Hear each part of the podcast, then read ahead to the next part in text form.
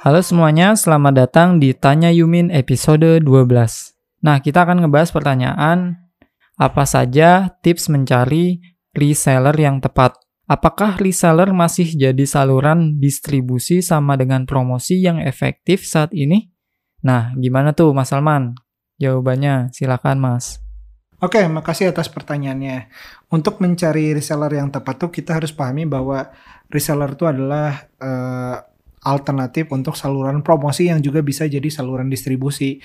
Di luar mereka juga mempromosikan produk kita, mereka juga bisa mendistribusikan secara fisik produk-produk kita. Nah, tipsnya yang tentu harus dibahas adalah bagaimana si reseller ini bisa menjawab dua tujuan tersebut. Promosinya bisa gencar, distribusinya pun bisa uh, dilakukan dengan lancar. Nah, reseller yang tepat sebenarnya kita bisa bisa melakukan seleksi di awal ya mengenai bagaimana si calon reseller kita itu memang aktivitas nya bagus di tempat-tempat yang harusnya dia berjualan. Misal kalau dia jualannya secara digital atau secara online, ya kita bisa filter di awal apakah uh, reseller kita ini memang secara aktif uh, sebelumnya di sosial media untuk mempromosikan produk-produk dia sendiri atau produk-produk sejenis yang kalau kita pikir produk kita dijual oleh dia, kita akan terbantu terpromosikan.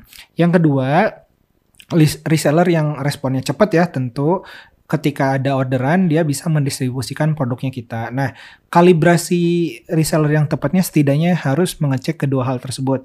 Dia bisa melakukan promosi secara berkala, yang kedua juga uh, bisa melakukan distribusi secara tepat waktu.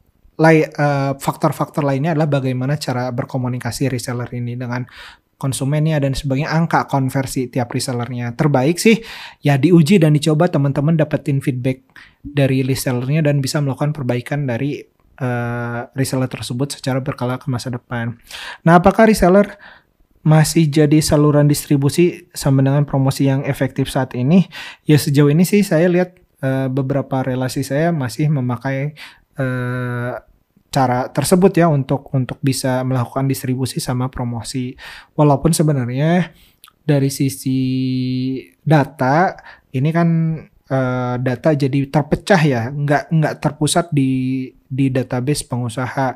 Artinya pengusaha nggak bisa langsung dapetin siapa yang beli produknya mereka di pasaran. Kalau istilah teman saya, istilahnya sell in tapi belum tentu sell out gitu terjual keluar dari gudang kita tapi masih numpuk di reseller kita, nanti reseller yang bertemu dengan para pembeli. Nah itu juga jadi satu problem yang sebenarnya kita nggak bisa dapetin feedback langsung dari penggunanya kita dan kita sebenarnya kalau memiliki data tersebut kita akan lebih mudah untuk melakukan R&D.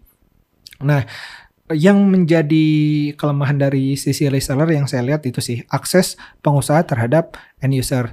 Tapi di sisi lain juga reseller juga menjadi salah satu alternatif jawaban untuk stabilitas income bagi pengusaha. In case ternyata di waktu-waktu tertentu penjualan secara direct atau retail dari pengusaha langsung ke merchant, eh langsung ke uh, customer itu nggak bagus. Nah reseller yang bisa jadi buffer transaksi di platform kita karena kan mereka uh, juga cari nafkah dari dari jualan produknya kita. Nah, terbaik sih uh, reseller-reseller yang juga memang invest waktunya untuk menjadi reseller nggak setengah hati. Itu sih mungkin yang bisa saya sampaikan tentu menurut pengalaman saya pribadi atau pendapat subjektif saya sendiri.